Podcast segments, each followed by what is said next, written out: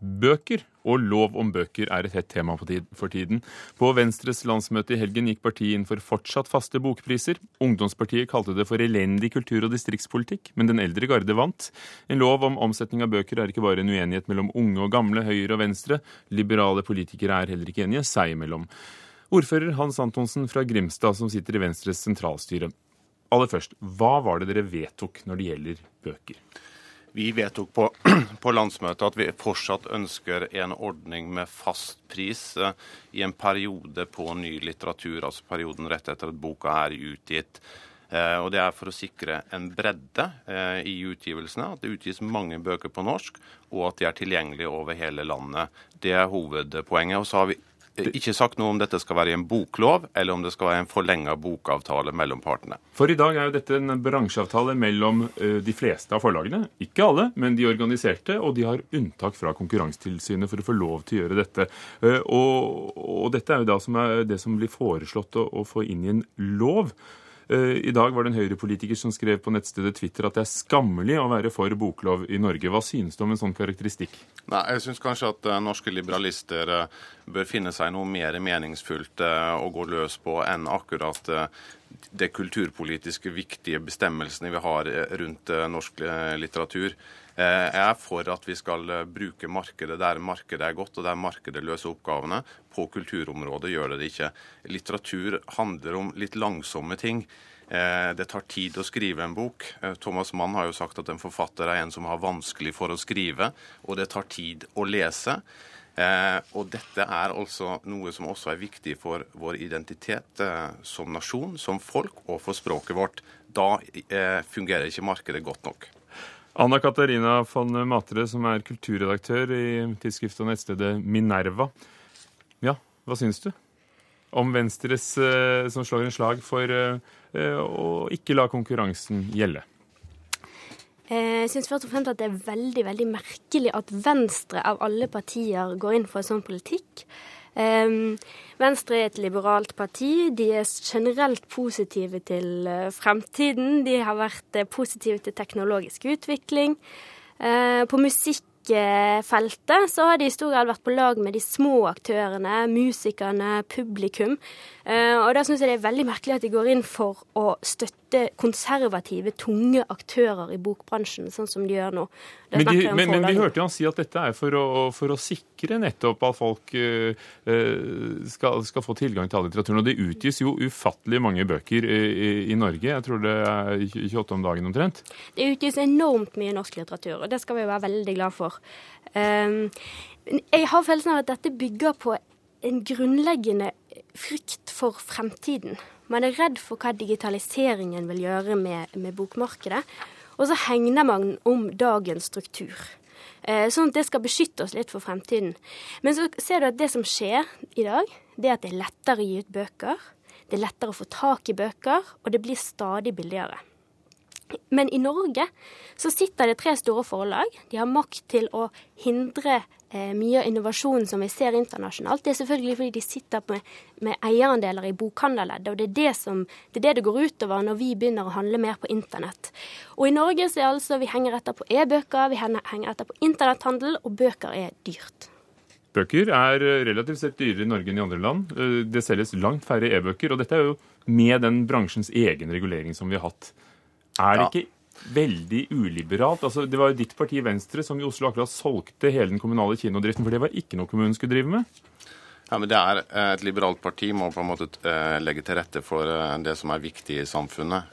Og litteratur lar seg ikke regulere av markedet alene. Det er de aller, aller fleste enige om. Så er jeg enig i at vi har en Men på, på hvilken en, måte er de aller fleste enige om det? Altså Det finnes jo land hvor det ikke er noen sånn regulering. Ja, er, og hva er en bok etter hvert? Det er ni europeiske land i hvert fall som har fastpris, eh, bl.a. kulturnasjoner som er noe større i befolkning enn Norge, Spania, Frankrike, Tyskland. Danskene har prøvd å slippe prisene fri. I forrige måned gikk en samla dansk bokbransje til danske kulturmyndigheter og sier dette går ikke, det selges eh, færre bøker, bokhandel legges ned. Eh, vi får ikke til økt leselyst med lavere priser. Vi trenger en boklov også i Danmark.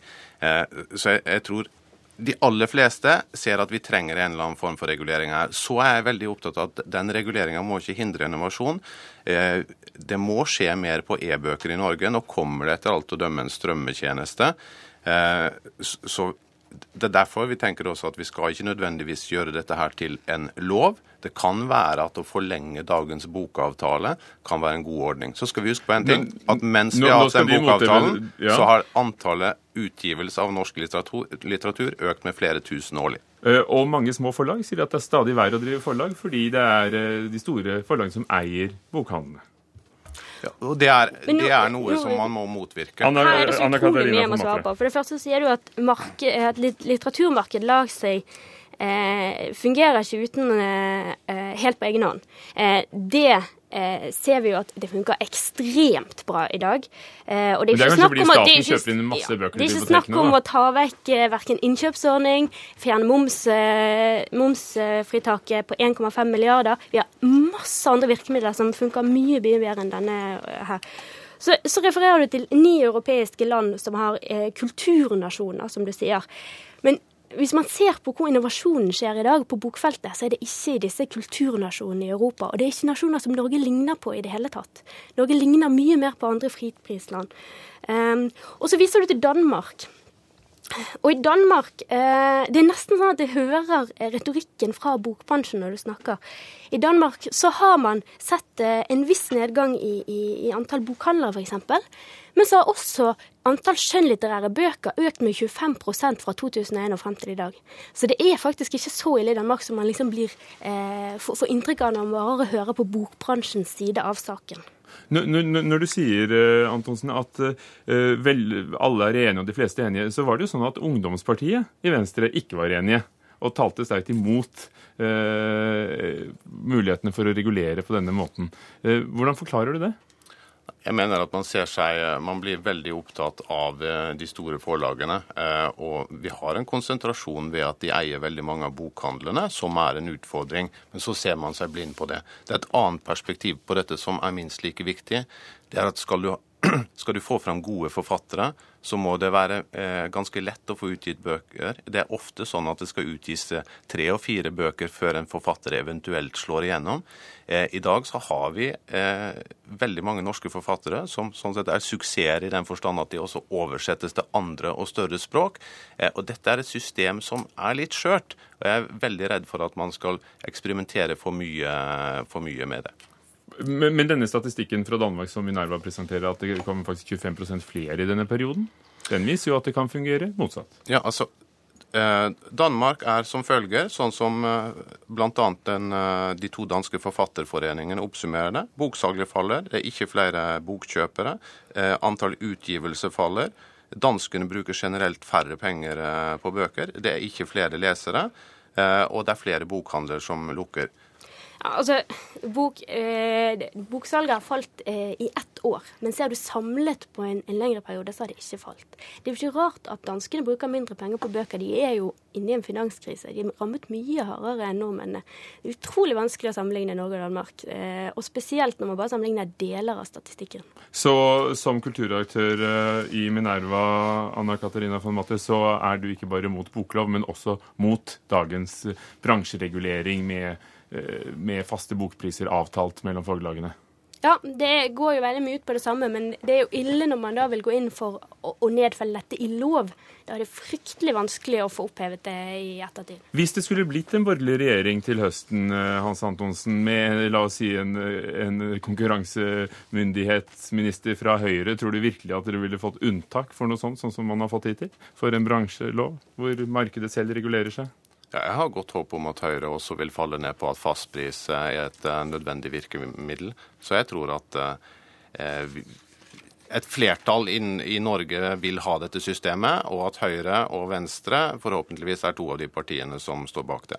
Fronten er i hvert fall ikke klare. Takk skal dere ha. Hans Antonsen, ordfører i Grimstad fra Venstres sentralstyre, og Anna Katarina von Matre, kulturredaktør i Minerva.